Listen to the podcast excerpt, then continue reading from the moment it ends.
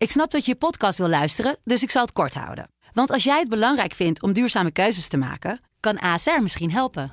Nou hoor ik je denken, hoe dan? Nou, bijvoorbeeld bij het duurzaam herstellen van schade. Of de premies die we beleggen volgens ons duurzaam beleggingsbeleid. Dat bepaalt waar we wel en juist niet in investeren. Wil je meer weten over welke duurzame keuzes ASR maakt? Ga dan naar asr.nl slash duurzame keuzes. ASR doet het. Zo, dan kan je nu lekker naar je podcast luisteren. Deze podcast is mede mogelijk gemaakt door OBAM Investment Management. Al ruim 85 jaar Nederlandse beleggingshistorie met beleggen in aandelen wereldwijd. Ervaren, actief en met een duurzaam rendement investeren in uw financiële toekomst. OBAM Investment Management, de kunst van het kiezen. Kijk op obam.nl voor meer informatie.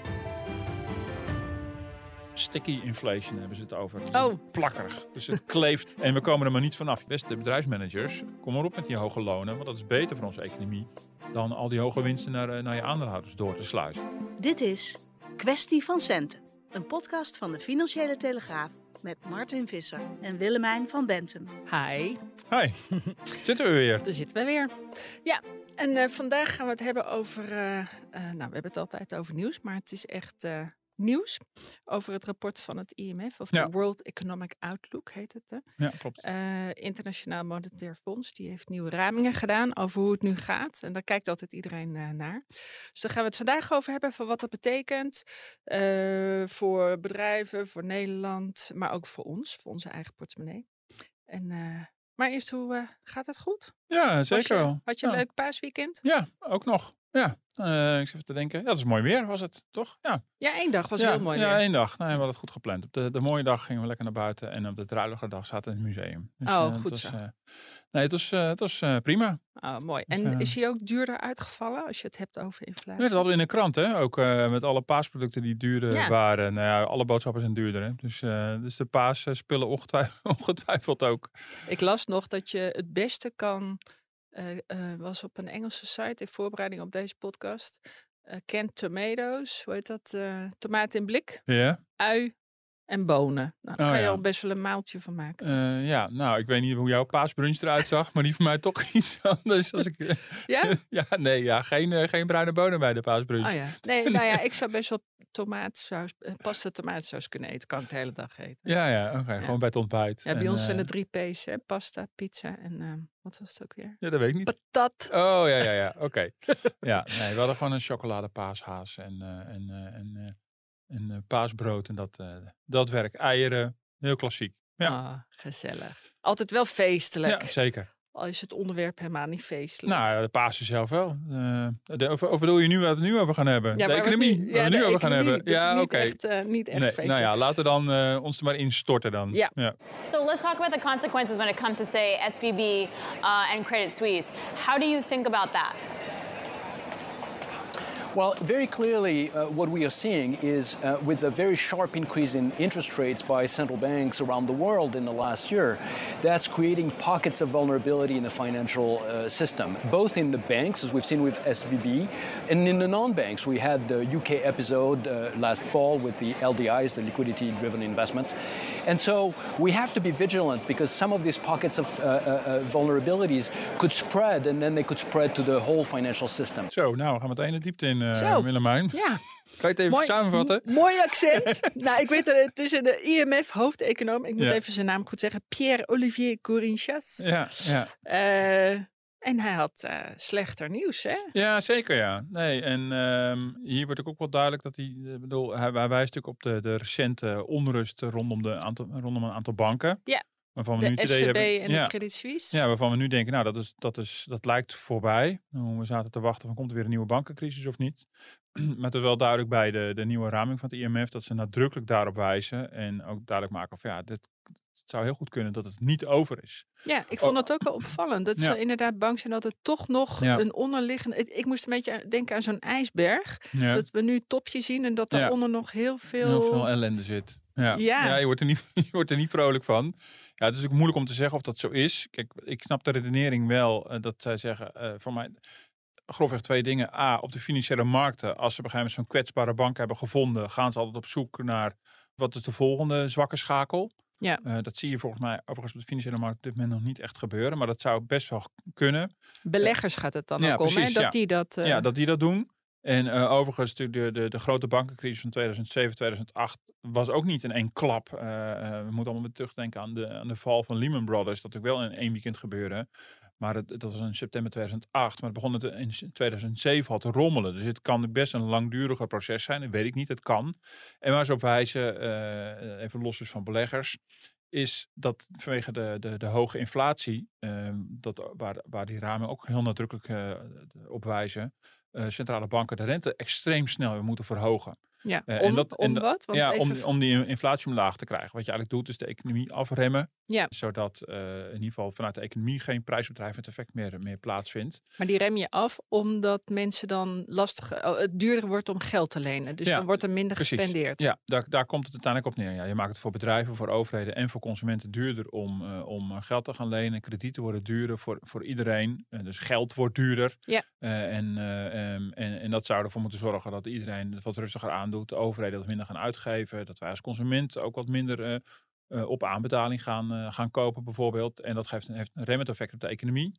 Ehm, maar de, die rentestijgingen van de centrale banken, dat is zo snel gegaan dat allerlei financiële partijen daar mogelijk ook hinder van ondervinden. Nou, dat, dat zag je bij Credit Suisse overigens wel minder. Dat speelde bij FCB en een paar andere Amerikaanse banken wel, nou de, wel, eh, wel, wel degelijk. En het IMF wijst erop van, ja, hou er maar rekening mee dat dat echt wel voor financiële instabiliteit zou kunnen blijven zorgen in de komende tijd. En Ja. dan gecombineerd met eh, aanhoudend vrij lage economische groei en een hoge inflatie. Dat is een beetje de mix van ellende, zeg maar. Eh, eh, schreef eh, deze hoofdeconoom ook in zijn stuk van, ja, dan gaan we een gevaarlijke fase in. Dus het waren best wel stevige woorden die, die werden gebruikt. Terwijl we eigenlijk de laatste maanden een beetje in slaap waren gesust, omdat de recessie die iedereen verwachtte er maar niet kwam. Ja, ja. Ehm, eh, dus dit is een beetje de, de, de, de keerzijde. Nou, Ja. Het is ook een beetje de rol van het IMF. om Ehm, te waarschuwen. om te waarschuwen, dat zijn niet de vrolijke Fransjes van deze wereld. Dat is, dus het kan ook allemaal reuze meevallen. Maar, maar toch. Ga eh, ik daar in ieder geval nooit werken? Nee. dus, eh, eh, en dat heeft ook wel zijn functie om op risico's te wijzen. Want politici willen natuurlijk vooral de, de, de zonnige zijde zien. Want dan kunnen ze weer lekker uit, geld uitgeven en populair blijven bij de kiezer. En dit zijn dan misschien eh, een beetje de, de sommermansen die, eh, die wijzen op alle risico's en gevaren die er zijn. En waar we ook rekening mee moeten houden. Maar eigenlijk houdt het allemaal zichzelf zo in stand. Hè? Je hebt die politici die, die eh, hun eh, ja, politiek bedrijven en ook economisch politiek bedrijven om weer herkozen te worden. Ja. Maar ondertussen heb je de, de economie die wordt dan slechter, waardoor mensen minder gaan uitgeven. Wat uit, automatisch weer de economie zou moeten gaan dempen. Toch? Ja, Dus uit- uiteindelijk zou het een organisch geheel moeten worden. Maar wat maakt dan dat nu eh, zo gevaarlijk is toch? Nou ja, Of door, spannend. ja door, door die combinatie van zaken eh, is het met name. En in het verleden, eh, dus in, in een ver verleden alweer, met hele hoge inflatie en heel snel rentestijgingen. Dat gaf ook steeds financiële turbulentie. Ik wil eens een keer teruggekeken naar een bepaalde periode. Misschien best wel eens een keer aardig om daar nog heel specifiek eens een keer ook in een podcast of in de krant bij stil te staan. Wat zijn de overeenkomsten en verschillen met andere momenten in de geschiedenis? Ja.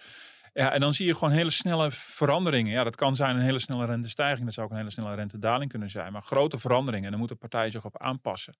Ehm, dus dat speelt een, wel een belangrijke rol. En in Amerika waren de banken, die gokten er wel een beetje op dat de rente heel lang laag zou blijven. En die hadden een heel verdienmodel erop ingericht. Ja, dus dan heb je duidelijk nu aan de andere kant de hele hoge rente. Ja, of ja. die, die wordt steeds hoger, dus dan is dat niet meer in balans. Nee, dan, eh, eh, en dat is natuurlijk wel het risico. Overigens is daar in de afgelopen jaren ook veelvuldig op gewezen door, door mensen die kritisch waren over het beleid van centrale banken. Want centrale banken hebben natuurlijk eigenlijk sinds de eurocrisis de rente extreem laag gehouden. Eh, we gaan, nou, dat zien we op onze spaarrekening, waar de rente nou eh, op zijn best nu 0,5% is. Ja, en bij de- negatief. En op een gegeven moment ook negatief is geweest. Eh, dus, dus daar heeft een, dat is ook vrij bijzonder geweest. En als dat maar lang genoeg aanhoudt, er ontstaat een soort gevoel in, ja, bij heel veel mensen en ook bij professionals van, nou, dit is voor altijd, dit gaat nooit meer veranderen.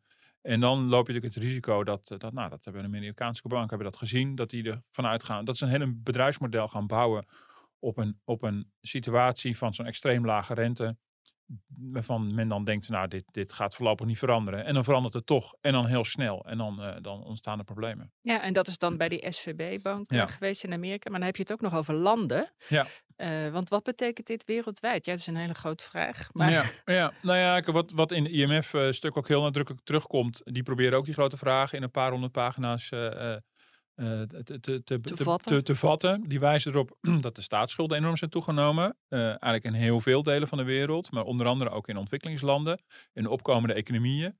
Eh, landen hebben ook last van die hoge rente, omdat het ook voor hun steeds duurder wordt natuurlijk om die staatsschuld te blijven financieren. Want ja, dat, eh, ja je- ze geven staatsobligaties uit die door beleggers worden gekocht. Eh, dat, is het, dat is het geld voor, die, eh, voor, voor de overheden. En als die staatsobligaties aflopen, moeten ze weer nieuwe uitgeven. En zo, zo, dat is op zich een heel normaal systeem. In Nederland doet het ook. De Nederlandse staat geeft ook die dingen uit.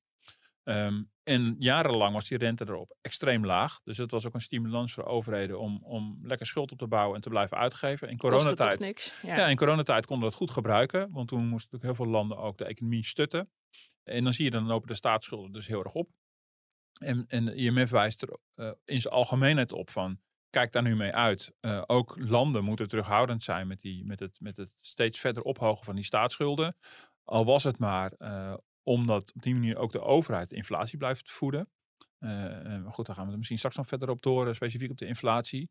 Ehm, maar het is ook wel een risico, eh wijst dus op inderdaad wat ik net al zei, bij opkomende landen, bij ontwikkelingslanden, dat die staatsschuld op een gegeven moment niet meer financierbaar is. Dat de rente zo hoog is dat ze van gekkigheid dat niet meer kunnen opbrengen. En dat is natuurlijk wel een risico. En het rare is wel een beetje eh, dat met die hele hoge inflatie de staatsschuld ook weer minder waard wordt. Dus dat zijn twee krachten die een beetje tegen elkaar inwerken. Ja, Ehm, eh, maar voor ontwikkelingslanden, ik las dat 60% daarvan die komen in de problemen. ja, dat dat, is vond wel ik ook wel, een, vond ik ook wel vrij heftig, ja. ja. En wat is dat dan in de problemen? Ja, nou ja, dat, dat je bijvoorbeeld, eh, ah, nou, dan, moet je een beetje aan Griekenland denken. Dat je op een gegeven moment het niet meer kan terugbetalen. Daar komt het dan uiteindelijk op neer. Ja. Dat je, en, is en een dat- land failliet. ja, dat een land failliet gaat. Dat, ja, dat 60% lijkt me nogal veel.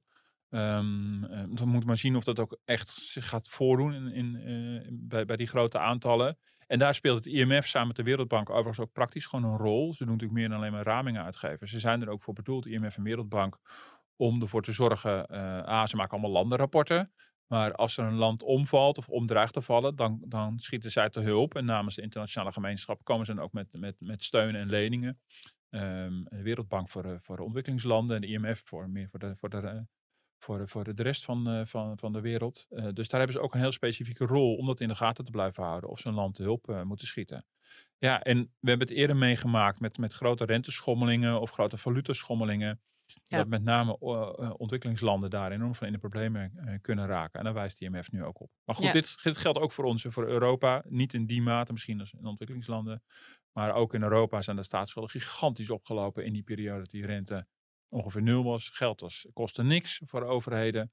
Eh, en dat heeft zijn gevolgen. En nu moeten we gaan zien wat dit betekent als die rente weer oploopt. Ik, ik heb toch altijd weer het idee van, hoezo heb je het dan zo ver laten komen? toch achteraf, ja, achteraf kijk je een koe in Ja, maar ook, ja, maar ook door die golfbeweging die je zelf al schetst. Ik bedoel, Ja. Het is ook organisch, het zijn golfbewegingen. Dus het, Je het- weet het eigenlijk. Dus je weet op het ene moment eh, eh, heb je. eh, dus, het, dus het medicijn wat op het ene moment logisch is, werkt op het volgende moment tegen je als het ware. Ik, vind het over, ik, ik deel jouw verbazing hoor. Dat je denkt: van, oké, maar waarom schiet er daar nog steeds zo, zo in door? Weet je wat, eh, Arnold Heertje, die heb ik ook al een keer eerder aangehaald. Ja. hè, Dat is een soort held eh, van mij. Maar die zei altijd, eh, historici, of, die, die kun je eigenlijk beter bij een bank of bij de economische zaken of bij het IMF neerzetten dan economen. Want je moet eigenlijk goed terugkijken Ja. naar wat er allemaal is gebeurd inderdaad. Ja, nee, dat snap ik, dat snap ik heel goed. De tulpenbollencrisis in de, wat was het, 18e, 17e ja, eeuw? Ja, en, eh, ja nee, en dat snap ik heel goed. Want ik bedoel, zeker politici, maar natuurlijk ongetwijfeld bankiers ook. En eigenlijk wie niet, heeft natuurlijk de neiging om te denken van ja, we kijken nu weer vooruit. En ehm, natuurlijk moet je le- leren van het verleden, maar je wil ook gewoon positief de toekomst in kijken. Dus het is, het is niet leuk om altijd weer stil te staan met dingen die in het verleden zijn fout gegaan. Eh, de be- beroemde uitspraak bij de, bij, is dan vaak this time it's different. Deze keer is het echt anders. Dat zag je overigens de afgelopen weken toen het zo eh, begon te rommelen in de financiële wereld ook al meteen vanuit beleidsmakers van hé, maar wat nu gebeurt met die banken, Ja. dat is echt anders dan de vorige keer. Ja, dat zal allemaal wel. Misschien is de oorzaak een andere. Maar de Maar- gevolgen niet. Maar, precies, en het gaat om de opeenvolging van die gevolgen. Van, Ja. eh, en hoe ontrolt zich dat dan? En zeker, we waren er nu, de, de, internationale gemeenschap was er nu veel sneller bij dan toen. We hebben, we hebben in die zin echt wel iets geleerd van de vorige bankencrisis. We kwamen sneller in actie. Eh, landen staan niet zozeer tegenover elkaar, maar werken sneller samen. Centrale banken werken samen. Maar je moet wel die risico's blijven zien. En die risico's die kan je inderdaad wel identificeren als je gewoon goed naar de geschiedenis kijkt. Ja, ja het is eigenlijk, daarom is het vak ook zo mooi. Hè? Want alles Ja. wat in de economie gebeurt, dat is allemaal mensenwerk. Ja. Niet eens vanuit de ECB of IMF, maar ook uiteindelijk hebben zij ook te maken met Zeker. nog mensen. Nee, ja, kijk, een economie is uiteindelijk ook een vak wat gaat over menselijk gedrag. Ja. Eh, dus het is, eh, er wordt ook vaak gezegd dat het niet echt een wetenschap is. Want ja, je zit wel aan allerlei knoppen te draaien en je doet wel of je de toekomst kan voorspellen. Maar dat kan je natuurlijk helemaal niet. Het is zo organisch. En je Ja. probeert bijvoorbeeld met zo'n rentestand het gedrag van individuen te beïnvloeden. Dat, Ja. dat jij en ik gewoon niet meer op de pof leven, eh, voor zover we dat deden. En dat, eh, dat eh, minister Kaag op de rem trapte in het kabinet. Om te zeggen, van, ja, ik, ik ga niet blijven lenen, het houdt een keer op. Ja. Dat soort gedrag, gewoon menselijk gedrag. Bankiers die zich moeten houden aan allerlei eh, toezichtsafspraken, eh, die verantwoorde keuzes maken. Maar het is Eh, toch menselijk om, ja. de, maas, om, om de, de randjes op te Ja, zoeken. zeker. En dat zie je natuurlijk inderdaad volop gebeuren. Ja. En daar, daar wordt op gewezen. En je ziet ook, ehm, eh, maar goed, dan gaan we al bijna richting de, de, de blok inflatie. Ehm, Daar gaan we de- ook naartoe. Ja, dat, dat, dat natuurlijk voor een. eh, dat, wat nu op dit moment gebeurt, eh, daar wijst de IMF ook op, is natuurlijk hartstikke interessant dat de centrale bank keihard op de rem ge- getrapt heeft. Dus nog steeds op de rem trapt. En overheden blijven gewoon gas geven. De overheden denken, ja, maar dat geld was toch nog zo'n beetje gratis. Je ziet het Ja. in Nederland ook. Miljarden staan er klaar voor een klimaatfonds, een stikstoffonds. Allemaal goede doelen. Maar daarmee worden de overheidsuitgaven enorm aangejaagd. En blijven overheden geld in de economie pompen. En jagen ze de inflatie aan. Dat is heel menselijk vanuit de politici. Dat Ja. ze denken, ja, maar we, we, we, we wilden lekker uitgeven. Ik bedoel, Ja. het geld was geen probleem. En, Ja. ja. ja, en dan werk je als centrale bank en als polit- eh, politicus gewoon keihard tegen elkaar in. En dan, Ja. dan, dan, dan blijf je die, die inflatie maar voeden. Maar goed ouderschap is het eigenlijk, hè, wat zij moeten doen. Maar die, eh, de, de, de goede moeder, zeg maar, Ja. Christine Lagarde, die heeft daar ook eh, bij College Tour toen eh, bij het Van Huis wat over gezegd. hè? Ja, vorig jaar. Ja. The first thing we have to do is price stability, defined as 2% in the medium term. By the same token, you have all these other factors that come in to disrupt the growth pattern that we have. But what do so you we say need to- to make sure that this is going gradually enough so that growth is not, you know, that we don't put the brake on, on, on, the, uh, uh, on this car that is moving. We have to lift the accelerator for sure to slow inflation, Yeah. but we cannot be braking any speed. Nee, maar zij zegt dus, we gaan het heel, heel Geleidelijk aan doen. geleidelijk Ja. doen. En eh, het gaat niet heel hard, het gaat allemaal goed komen. Inflatie, zei ze ook, blijft eh, op 2% zij had het, eh, en het vond ik sowieso interessant, dat je dan, dat vind ik ook van dit rapport interessant, dat je kan zeggen van, nee, komende jaren wordt de groei 2% Denk ik, oh, ja, er zijn vast de statistieken en Excel-sheets voor. Maar goed, zij had ook zo'n voorspelling gedaan. Hoe kijk je daar nu op terug? Want dat Ja, was... ehm, Dit was in mei vorig jaar. En, eh, 2022, ja, ja. en zij schetst op zich wel heel, heel goed en terecht, denk ik, ehm, het dilemma waar ze voor stonden en waar ze nog steeds voor staan. Namelijk, ja, je wilde de inflatie eh, naar beneden krijgen. Dat was, die begon toen al heel hard op te lopen. Dat was de reden voor Twan Huis om hiernaar te vragen. Eh, maar tegelijkertijd wil je niet de economie kapot maken. Ehm, eh, dus, dus ze zat alleen was, was toen nog de gedachte, en dat proef je er heel duidelijk van, ja, dat moet dat is heel delicaat, dat moet heel voorzichtig aanpakken. Zij reageert hiermee op een, een filmpje dat eh College Tour had gemaakt met Klaas Knot, die toen zei, vooruitlopend op een, een van de rentevergaderingen die aankwam, ja, misschien moet de rente wel met 0,25 of misschien wel met 0,5 omhoog. En zat zoiets, nou, daar kan ik, ik ga mee in zijn analyse, maar ik, nou goed, zij kon zich nog niet daarover uitspreken. Nee, dus dat, is, dat wordt een beetje ingewikkeld. Want dan gaat iedereen vanuit, dan wordt het dat dus, als zij Ja. dat zegt. En Klaas Knot kan als een van de vele bestuurders wel zoiets roepen. Eh, ja, en de grap is, inmiddels weten we dat er gewoon meerdere van die rentestappen zijn geweest van 0,5. En dat is inderdaad, dat klinkt heel klein, maar dat is in centrale bankenland best wel heftig. En je moet je voorstellen dat je hypotheekrente van het een op het andere moment ineens 0,5% hoger is. En anderhalve maand later weer 0,5%. Nou ja, dat hebben we overigens met die Dat gebeurt ook. wel zien gebeuren. Ja. En dat zijn hele heftige sprongen. Eh, en hier proef je nog aan dat ze denkt van nou, nou, Maar goed, dat zegt vaak ze- niet lopen. Dat zegt ze ook om het te, te temperen, Ja, denk nee, ik. zeker. Ja, nee, zij dat- heeft veel invloed, Ja, woorden. Zeker. Nee, dus dat speelt ook een rol. Dat ze natuurlijk ook niet de paniek wil voeden. Nou, en inmiddels weten we dat die inflatie eh A, A, fors hoog is uitgepakt. Zeker eh, af, eh, vorig jaar. En het IMF, dat, eh, dat, was natuurlijk de aanleiding om het hier toch weer eens over inflatie te hebben. Ja. eh, wijst er ook op, ja, die inflatie blijft, eh, houdt langer aan en blijft hoger dan we steeds hadden verwacht. Dus bij deze nieuwe raming zijn de inflatieverwachtingen ook weer omhoog bijgesteld. Het is een heel hardnekkig probleem. Sticky inflation hebben ze het over. Dus Oh. het plakkerig. Dus het kleeft. En we komen er maar niet vanaf. Je schudt het, je, s- je blijft zo schudden. Grappig, hè, Ja. al die eh, uitdrukkingen. Ja, en wat, wat, wat Lagarde zal zeggen over dit fragment. Van nou, ik heb hier gezegd in dit fragment dat eh, de, de inflatie op de medium term naar de 2% gaat. En dat is een beetje de bezweringsformule. Want de doelstelling van de ECB is niet om de inflatie op elk moment van de dag op 2% te hebben. Maar wel op de middellange termijn wordt het gemiddeld naar 2%. Eh vooral die middellange termijn. Alleen die middellange termijn die schuift natuurlijk steeds op.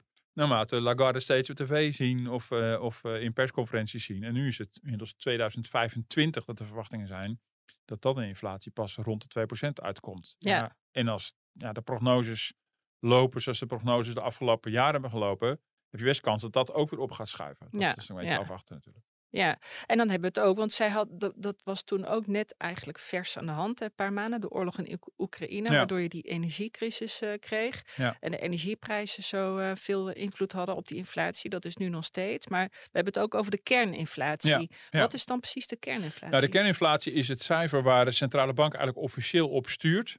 En eh, dat is eigenlijk de totale inflatie min de energieprijzen en min de voedselprijzen. Wat houden we dan nog over? Ja, dan hou je eh, alle andere dingen over. Allerlei andere producten die niet voeding Bouw. zijn. Dan heb je meer dan genoeg. Ik bedoel, eh, eh, en dan hou je allerlei diensten ook over. Ik bedoel, restaurantbezoek, hotelovernachtingen. de kosten van je auto. nou, je kan zo gek niet bedenken, alles zit eronder. Behalve dan specifiek voedsel en, en energie. En dat doen ze omdat dat de, de voedsel en energie zijn prijzen die altijd wat bewegelijk zijn. Ja. Ehm, en ze willen natuurlijk koersen op iets wat een beetje steady is. Het is wel in dit geval lastig. De centrale bank heeft ook al wel aangegeven dat ze zich ook wel druk maken over die totale inflatie. Omdat met energie en voeding zijn natuurlijk wel belangrijke componenten, com- componenten voor mensen. Ja, Eh, een en- groot deel en- van je budget. eh, Precies. Dus, gaat eh, daaraan op. Dus, dus, eh, dus ze, realiseren, ze kijken wel degelijk ook naar het totaal. Maar de officiële doelstelling is die kerninflatie. Eh, en wat je, wat je nu inderdaad heel nadrukkelijk ziet gebeuren, is dat de gewone inflatie heel hard afneemt. En dat komt vooral omdat de energieprijzen heel hard eh, aan het dalen zijn. En ja, de zachte winter ook. Ja, dus dat heeft zijn gevolgen. Ehm, eh, de, de, de, de, we hebben niet zoveel gas hoeven verbruiken als we, waar we bang voor waren. De gasvoorraden voor het komend jaar zijn ook al behoorlijk eh, gevuld. Dus, dus dat geeft ook weer eh, wat rust. Ja, maar dan Eh, draaien ze in het Midden-Oosten weer aan de knop en ja. wordt de benzine weer duurder. Ja, precies. Ja, dan gaat die olieprijs weer omhoog. Ja. En iedereen heeft ook een beetje zo'n plek gevonden van waar kan ik energie nog elders op de wereld vandaan halen. Dus, dus de heftigheid van die prijs is er wel van af. In Nederland eh, heeft het toegeleid dat in maart de inflatie, de totale inflatie, 4,4% is. Dus dat is een stijging van alle prijzen vergeleken met een jaar eerder met 4,4%. En een maand geleden was dat nog 8%. Ja, dat is best goed. Dus dat is. eh, eh, eh, maar goed, zodra je dus die energie eruit haalt, dan zie je wel een heel andere beweging. En als je dan voeding eruit haalt, dan hou je de kerninflatie over.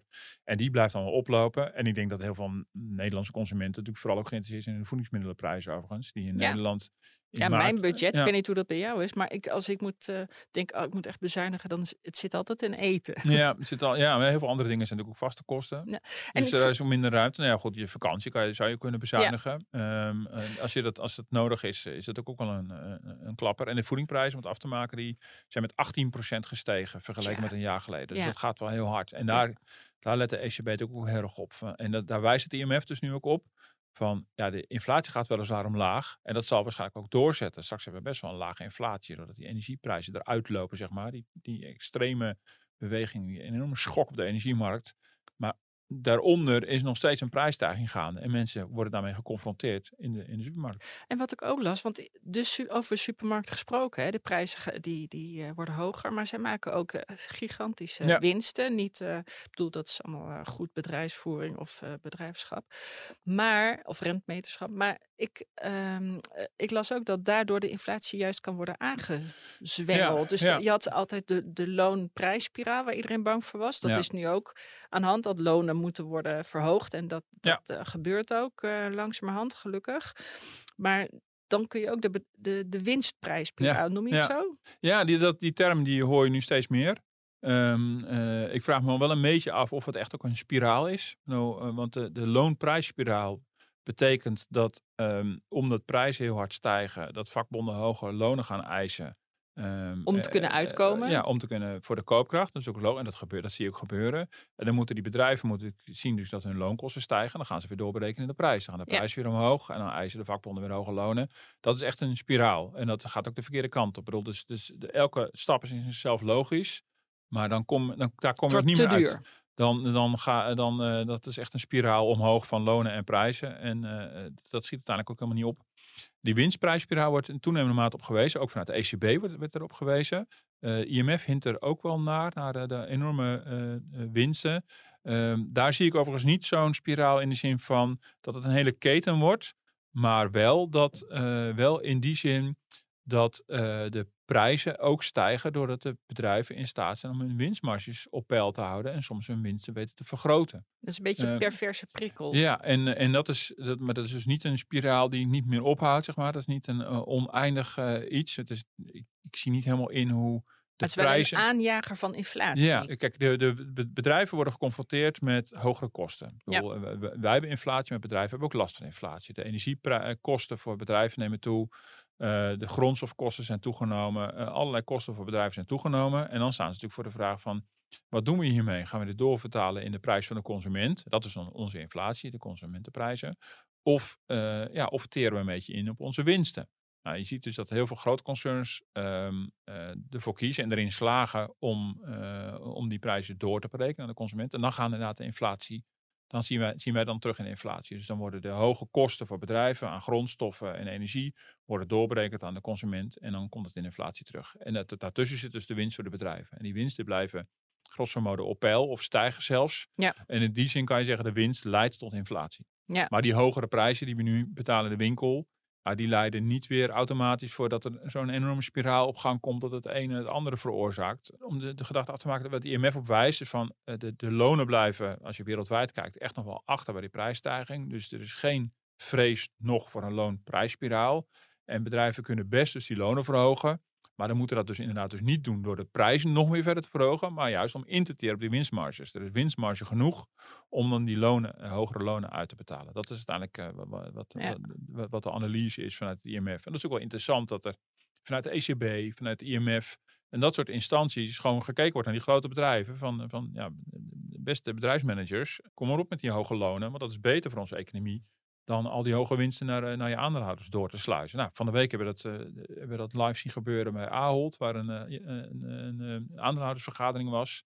En daar is natuurlijk ook wel protest van sommige partijen, niet van, aan, van aandeelhouders, maar van, van vakbewegingen en dergelijke, ja, op, op de lonen die dat concern betaalt, versus de enorme winsten en de beloning voor de topman die, die daar wordt uitgekeerd. Want Ahold Delhaize is een van de bedrijven die forse winst heeft geboekt, ondanks coronacrisis en energiecrisis, misschien wel dankzij. Ja, dat wou ik net zeggen. Ja, Ja. ja, precies. En dat, en dat, dat nou ja, op zijn minst kan je zeggen, dat voelt niet helemaal lekker. Nee. Eh, en, en je ziet dus, dat maar is niet alleen moet dat een... weer in balans Precies, komen ook. en dat is dus niet alleen een mening van de onderbuik, maar dat is dus blijkbaar ook een mening van grote instanties, het- zoals het IMF en, en de ECB. Eh, en dat is natuurlijk wel interessante spanning, dat die bedrijven natuurlijk ook toenemend maatschappelijk onder druk komen te staan, dat op een gegeven moment die winsten ook niet meer handhaafbaar zijn. En je kan dat goed rentmeesterschap noemen, ja, als je vindt dat je een rentmeester bent van je aandeelhouders. Ja.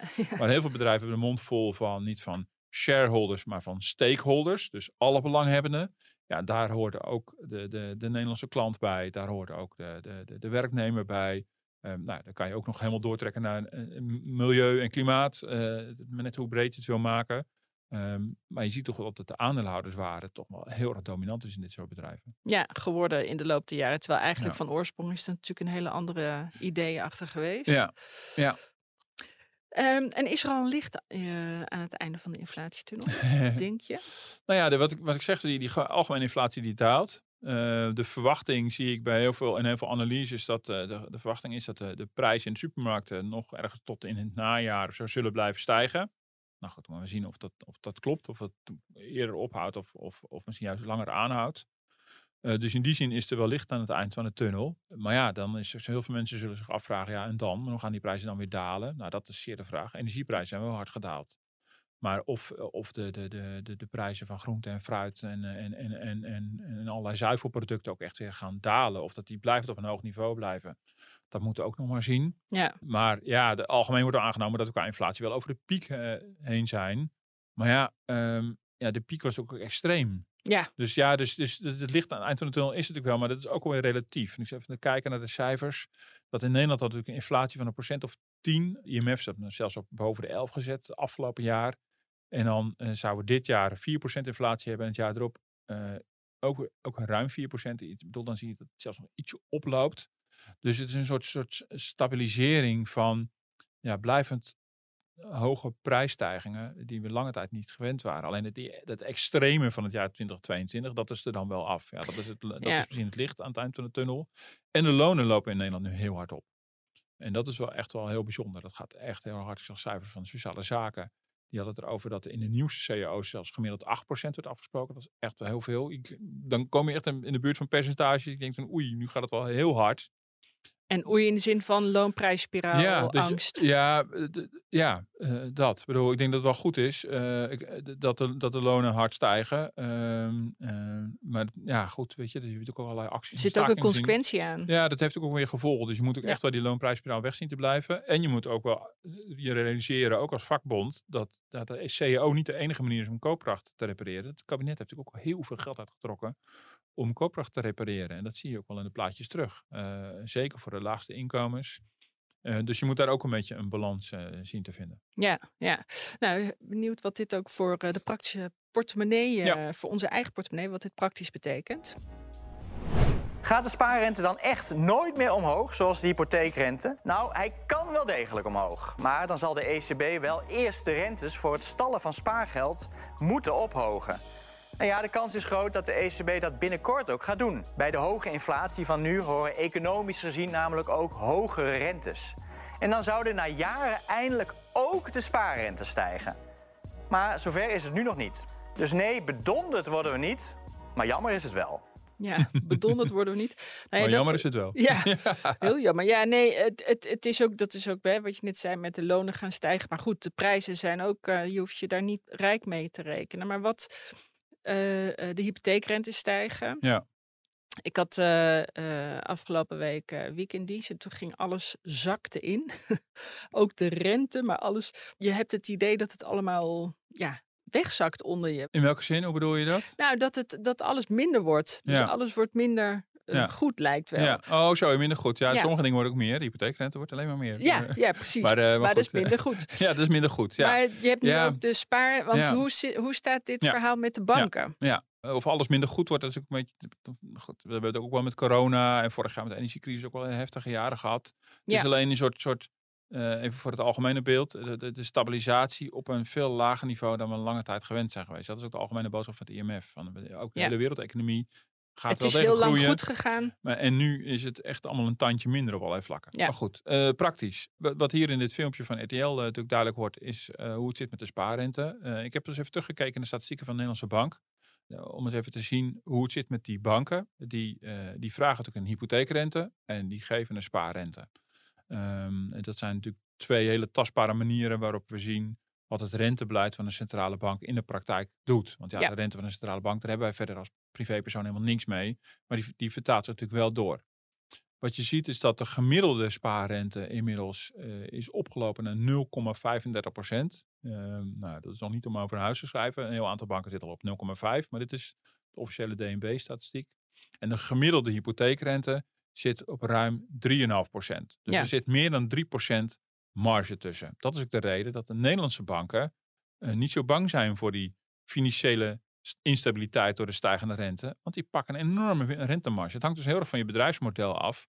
Of je last hebt of juist profiteert van het feit dat die rente stijgt. En wat de, wat de banken dus doen, eh, wat, wat ze hebben gedaan, is de hypotheekrente heel snel verhogen. En de spaarrente veel minder snel. Dus de marge tussen wat zij eh, vragen bij de hypotheek en wat zij geven op de spaarrekening is in korte tijd heel snel opgelopen. Het is heel eh, Dus nu kunnen ze cashen, om het even ze- bot te precies, zeggen. ja. En eh, bijvoorbeeld ING en ABN AMRO hebben dus prachtige jaarcijfers vorig jaar gehad. En die, die profiteren hier eh, enorm van. Dus die marge is nu ruim 3%. En even, nou laten we even kijken. Dat is het cijfer van februari. Voor de grap even februari van vorig jaar erbij pakken om dat te vergelijken. De marge was precies een jaar geleden, zat net onder de 2%. Toen was de gemiddelde spaarrente was min 0,3. Tja. En de gemiddelde hypotheekrente was 1,7. Ehm, dus die, die spaarrente is wel degelijk opgelopen van min 0,3 naar plus 0,35. En die hypotheekrente is ongeveer verdubbeld. Maar die, nou, het verschil daartussen, ja, dat is, dat is de winst voor de banken. Ja. Het is wel een heel erg versimpelde eh, model voor de banken. Maar dat zijn wel twee tastbare rentepercentages ja. waar wij als consument mee te, mee te maken hebben. Maar ik las ook dat eh, Nederland heeft ontzettend veel spaargeld. Ja, Hè? ja. En dat nu buitenlandse banken, eh, die, eh, die vinden dat wel interessant. En die bieden dus hogere rentes. Dus worden Nederlandse banken dan niet aangespoord om die rentes ook te verhogen? Nee, want Nederland, we, we hebben in Nederland zoveel spaargeld dat die Nederlandse banken dat allemaal helemaal niet kunnen verstouwen. Dus Nederlandse banken die, die zijn zijn helemaal, gemiddeld genomen helemaal niet zo heel erg happig op al ons spaargeld. Dat is gewoon veel te veel. Dus daarom Ehm, verhogen ze die rente ook niet. Daarom verhogen ze die rente veel minder snel dan die buitenlandse partijen. Eh, dus dat is per land heel erg verschillend. We zijn een ontzettend spaarzaam volk. We sparen ons niet alleen te pletten via ons pensioenstelsel. Eh, maar goed, dat gaan we vast wel eens een keer eh, in een andere podcast weer eens een keer bespreken.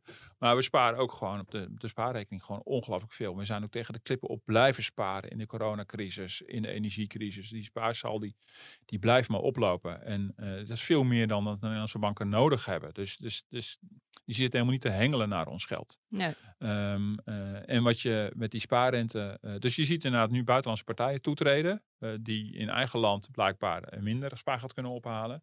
En dan, ja, ehm, dan is het wel raar om even goed op te letten van welk land die bank is.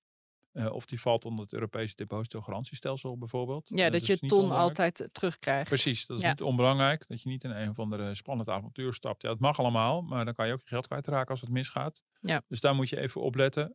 Volgens mij zijn er ook interessante partijen ehm, eh, gewoon binnen de EU waar je, waar je een hogere spaarrente krijgt. Nou, dat zou je dan, dat zou je dan kunnen doen. Als je er een goed gevoel bij hebt, dan, dan kan dat prima. En je kijkt gewoon of ze onder die depositogarantie vallen. Dan, dan kan je dat doen.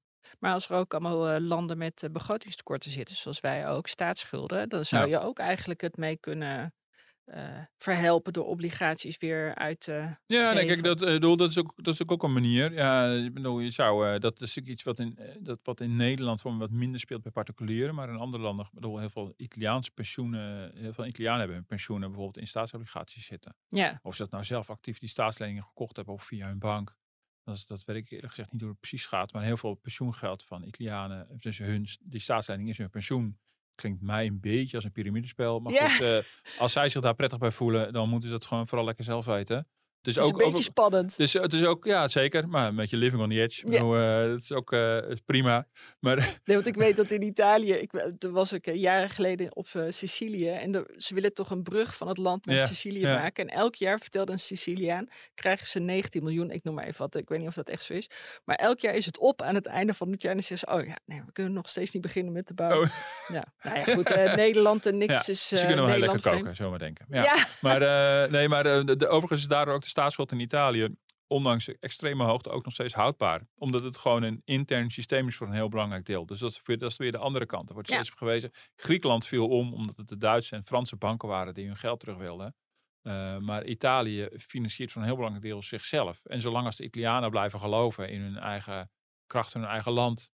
Dus misschien dat die Ja, is staatsschuld. een manier. ja, dus de staatsschuld wordt, wordt gestut door chauvinisme. Nou, daar kan je een heel mee komen. Ja, Dus, eh, maar goed, in Nederland zie je dus dat die, die spaarrente eh, wel wat stijgt, maar nog steeds heel laag blijft. En heel veel mensen, nou, daar ging dit filmpje, dit fragment van net ook over, zullen denken van wat oneerlijk. En dat voelt ook wel een beetje oneerlijk, maar de, het is wel relevant, eh, ja, reëel om ook te zeggen dat toen de ECB begon met die, die rentepercentages na de eurocrisis heel hard te verlagen en zelfs negatief te maken, hebben de Nederlandse banken hebben dat met vertraging doorgegeven. Dus ze zijn niet ogenblikkelijk die rente gaan volgen. Dus heel lang is de rente in Nederland, de spaarrente, positief gebleven. Terwijl de banken zelf al een negatief percentage moesten betalen in Frankfurt. En dat geldt dus voor overtollig spaargeld. Als je, met, als je geld te veel hebt. De banken kunnen geld te veel hebben, jij en ik niet.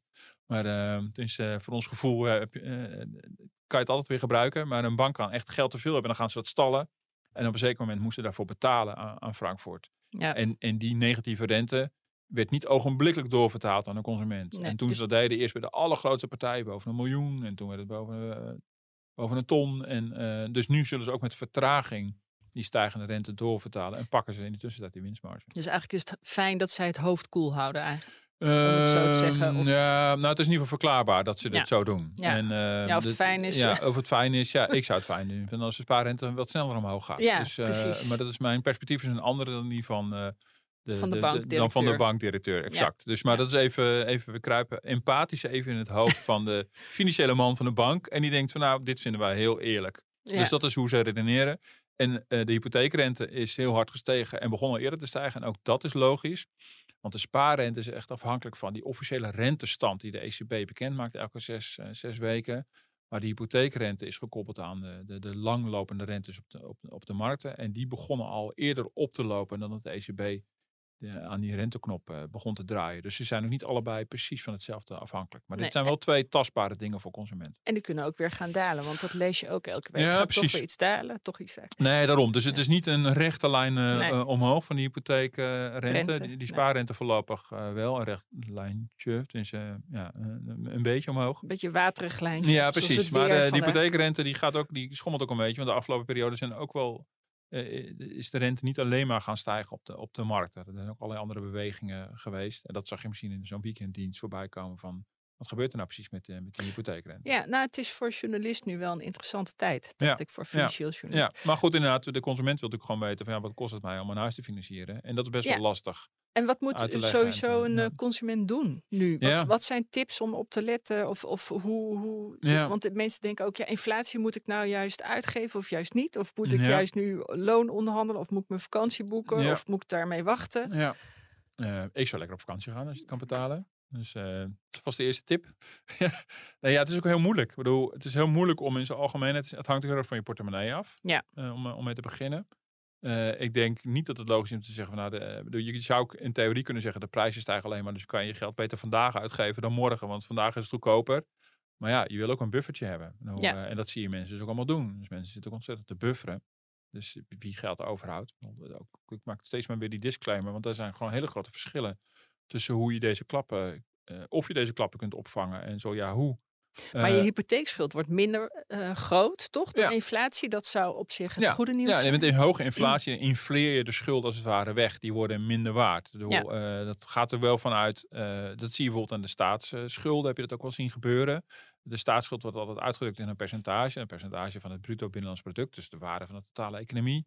Nou, als de prijzen stijgen, neemt ook de waarde daarvan toe. En dan zie je dus dat het staatsschuldspercentage wat lager is. Ehm, eh, en voor ons geldt ook, ja, als die hoge inflatie zich doorvertaalt in hogere lonen. Ja, en, en die hypotheekschuld, die blijft natuurlijk gewoon, die blijft in, in harde euro's hetzelfde. Alleen die is dan op een gegeven moment wel minder waard geworden. Ja. Ehm, Dus dat, eh, dat is op zich goed nieuws op zich is dat in de, is- op de ja, balans. Nee, dus eh, hoge inflatie is goed voor mensen met schulden en slecht voor mensen met spaargeld. ja, Eh, ehm, dus voor Nederland met al dat spaargeld. Nee, kijk, dat is inderdaad een andere kant. Dus de rente op sparen is natuurlijk heel laag. En je- waar, je, waar je eigenlijk als spaarder naar moet kijken, is niet de rente die je krijgt, maar je moet kijken naar de reële rente. Dus van die rente moet je eigenlijk de prijsstijging af, aftrekken. Ja, dan blijft er niet zoveel. Als vorig jaar de inflatie 10% was en je krijgt 0,5 je spaarrekening, dan is je geld gewoon 9,5% minder waard geworden. ja, Dus ja, Ja.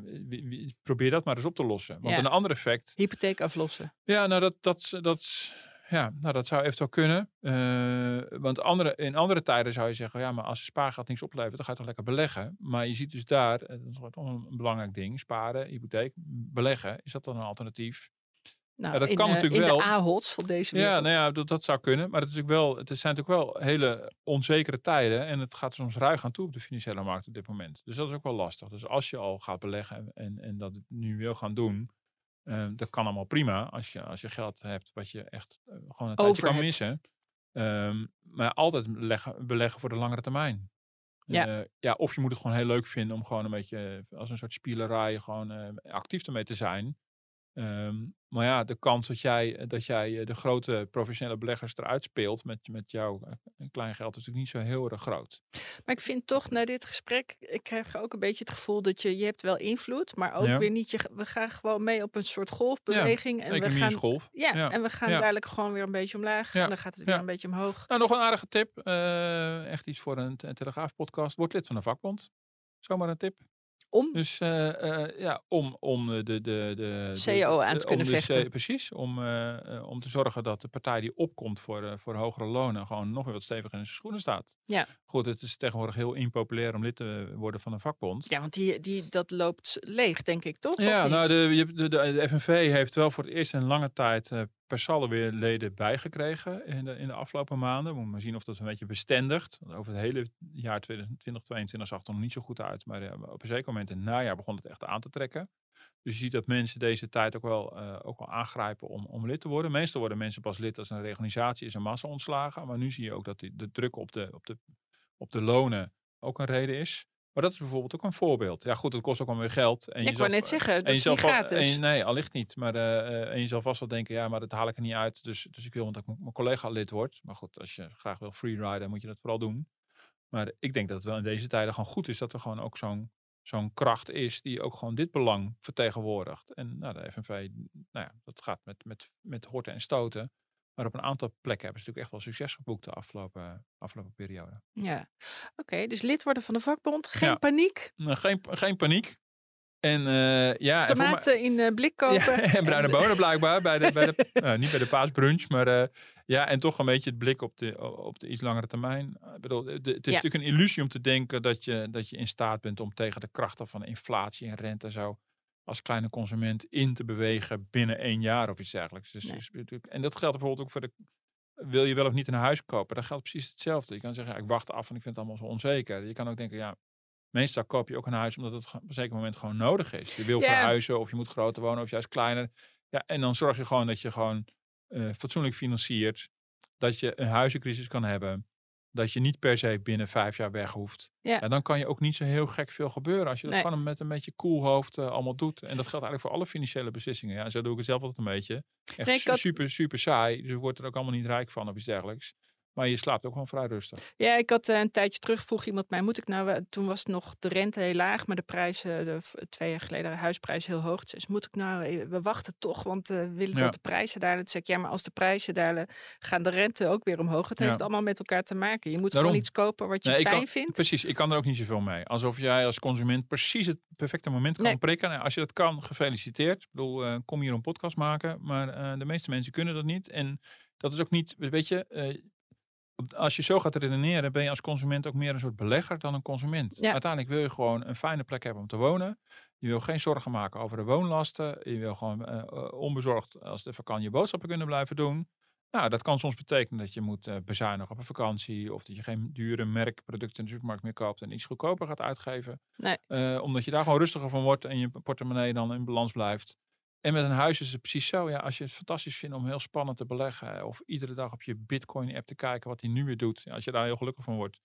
Be my guest. Als Maar je daardoor juist rustig slaapt. als je daar Ja. rustig van slaapt, Ja. eh, ik in ieder geval niet. Dus Nee. ik doe het allemaal eh, voor mezelf allemaal heel saai. Zodat ik er zo min mogelijk eh, tijd aan hoef te besteden als eenmaal een bepaalde financiële besli- beslissing is genomen. Ja, ja. Voel je je dan ook altijd wat ouder? Dan, dat je dan op een gegeven moment denkt, oh ja, dit hebben we al een keer eerder gezien. Oh of zo, dit ja, ja. ja. ik ook van toen. Of oh dit, ja, ja, ja, ja. Nou, nu komen we heel veel gevaarlijk terrein hoor. Eh, Is de tijd niet op? maar eh, ja, nee, zeker. Nee, we hadden het ook net over je kan leren van het verleden. En natuurlijk Ja. bij die bankencrisis dacht ik al meteen van oei, dit heb ik al een keer eerder meegemaakt. Eh, spannend. Ik weet nu ook beter hoe het allemaal in elkaar zit. En, eh, maar er zijn ook heel veel dingen die echt wel nieuw zijn. Hè? Bedoel, een rente die, die negatief was op je spaarrekening ongeveer. En die nu eh, eh, eh, en een hypotheekrente die zo snel stijgt. Dus, dus, dus ja, en deze keer is het echt anders. This time it's really different. Nee, er zitten altijd weer heel veel nieuwe elementen in. En daar Ja. blijft het, ja, Maar het gevoel dat ik een oude lul ben, blijft dan een beetje weg. En in die end, want dat vond ik mooi toen ik dit eh, eh, stuk van Christine Lagarde terugkeek bij het Van Huis, zei ze, Mhm. je moet sowieso investeren in liefde. Oh ja, ja. Nou, dat is van Nou, alle sluit tijden. het, sluit het daar maar mee af. Precies. Heel goed. Yes, de rondvraag. Had je nog iets, Willemijn? Ja, hoe jij dit zelf gaat praktiseren, want ik vind het best wel een eh, spannende tijd. Nou, deze hoge Investeren in de liefde. inflatie Oh, oh, dat- en investeren in de liefde. en- nee, eh, het zijn best. Ik vind het ook interessante tijden, wat ik net al zei, als financieel journalist, dat je Mhm. er bovenop zit. Eh, daarom vind ik het ook een mooi onderwerp altijd, economie. Inderdaad, het heeft vooral met gedrag te maken. Maar hoe ga jij jouw, ga jij jouw gedrag, of merk je dat, dat jij je gedrag aanpast? Aanpast? Ja. Of nou komende ja. tijd heb je dan het idee van dat ga ik doen? Mm, Nou, ik merk wel inderdaad wel eh, met twee dingen. Ehm, ik merk wel dat ik mijn gedrag heb aangepast met de boodschappen. Heel praktisch. Dus, uh, dat ik veel meer bezig, veel meer bezig ben met, uh, met, met aanbiedingen en zo. Dat ik dat voorheen minder deed.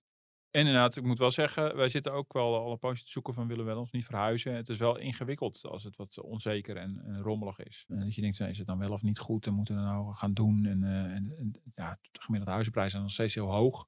Je denkt, ja, gaan, gaan we nou echt zo'n hypotheek nemen? Gaan we dat echt doen? Of zijn we gewoon tevreden met wat we hebben? Dus in die zin merk ik wel dat het impact heeft. En nou, verder valt het eigenlijk denk ik wel maar moet je doen eigenlijk wat je net zei, hè? Ja. Geen belegger zijn, maar gewoon consument. Nee, precies. Nee, daarom. Dus, maar dan wil ik ook niet... Uh, dus ik probeer ook dat gewoon te doen. Dat je gewoon sec kijkt van nou, uh, de kinderen worden groter. Hebben nou, is het misschien verstandig om een groter huis te nemen? Of moeten gewoon tevreden zijn met wat we hebben? Geeft ook heel veel rust. Maar of of uh, doe ik dat gewoon omdat ik gewoon geen zin heb om op te ruimen en te verhuizen. Dat, dat speelt voor mij op de achtergrond. Dat Schrikkelijk. Ik ben nou. ook een beetje lui ingesteld. Ja, ja. dus... Um, ja, dus, dus, dus zo. En jij, ja. heb jij het gevoel dat je anders bent gaan gedragen dan? Uh, nee, eigenlijk niet echt. Wij geven altijd heel veel geld uit aan eten. Te veel, denk ik, in verhouding. Omdat we gewoon van heel lekker eten houden. Ja. Maar um, uh, ik heb ook een man die kan heel goed koken met weinig. Met die blikken tomaten dus. En met Oh ja. pasta. En dan de kinderen die van de drie P's houden. Dus ja, in feite zijn wij heel snel tevreden. Mm. Dus, en wij Ja. hoeven niet te verhuizen. We wonen heel fijn. Ja. Maar... Um, Nee, nee, nee. Dus ik heb niet het idee dat dat Nee. uh, zo is. En ik boek gewoon maar mijn vakantie. Ik denk ook, ja, moet ook leven inderdaad. Nee, zeker, zeker. En nou, ik had ook nog iets voor de rondvraag. En dat is eigenlijk een beetje, uh, nog even terugkomen tot de podcast Ja. van vorige week. Er was een, uh, een luisteraar die mij uh, een berichtje via LinkedIn stuurde. Waarvoor uh, dank dat ik uh, het niet goed had over de, over de ZZP'ers. Dus bij deze even recht. Heel goed. Um, ik had gezegd dat mensen, die, die, de ondernemers, drie jaar een MKB winstvrijstelling krijgen. We zaten Ja. meteen de fiscale techniek in. Maar daar zit jij natuurlijk niet voor terug. Maar, uh, maar dat klopt niet. Want dat is, je krijgt drie jaar een startersaftrek. En de win- MKB winstvrijstelling, dat is, een, uh, dat is een, uh, een gedeeltelijke vrijstelling van je winst in de inkomstenbelasting. Die is niet voor drie jaar, maar die is gewoon zolang als je ondernemer bent. Ja. Dus ik had het niet helemaal juist. Dus bij deze rechtgezet. Dat is niet de meest spannende rondvraag die ik heb gehad. Maar daarmee is wel gecorrigeerd wat ik de vorige keer verkeerd zei. Maar dank voor, voor de oplettendheid. En toch ook fijn om te horen dat mensen heel secuur uh, luisteren. En niet aarzelen om even erop te wijzen als er een fout uh, Nee, is nee. ingeslopen. Nee, dat is toch leuk. Dat vind Zeker. ik bij de Telegraaf sowieso heel leuk. Dat je echt post krijgt. Ja. Dus uh, nou, hartstikke leuk. Het waren leuke drie weken, Ja, ja dank daarvoor. Ja, Ja. graag gedaan. En Volgende week ook uh, zit. Robert hier weer. En nou, we, horen je ongetwijfeld weer, weer terug ergens in, in de komende tijd. toch? Ja, leuk. vast. Nou goed, Hartstikke dankjewel. goed. Jij ook. En u bedankt voor het luisteren. Zeer bedankt. Dag.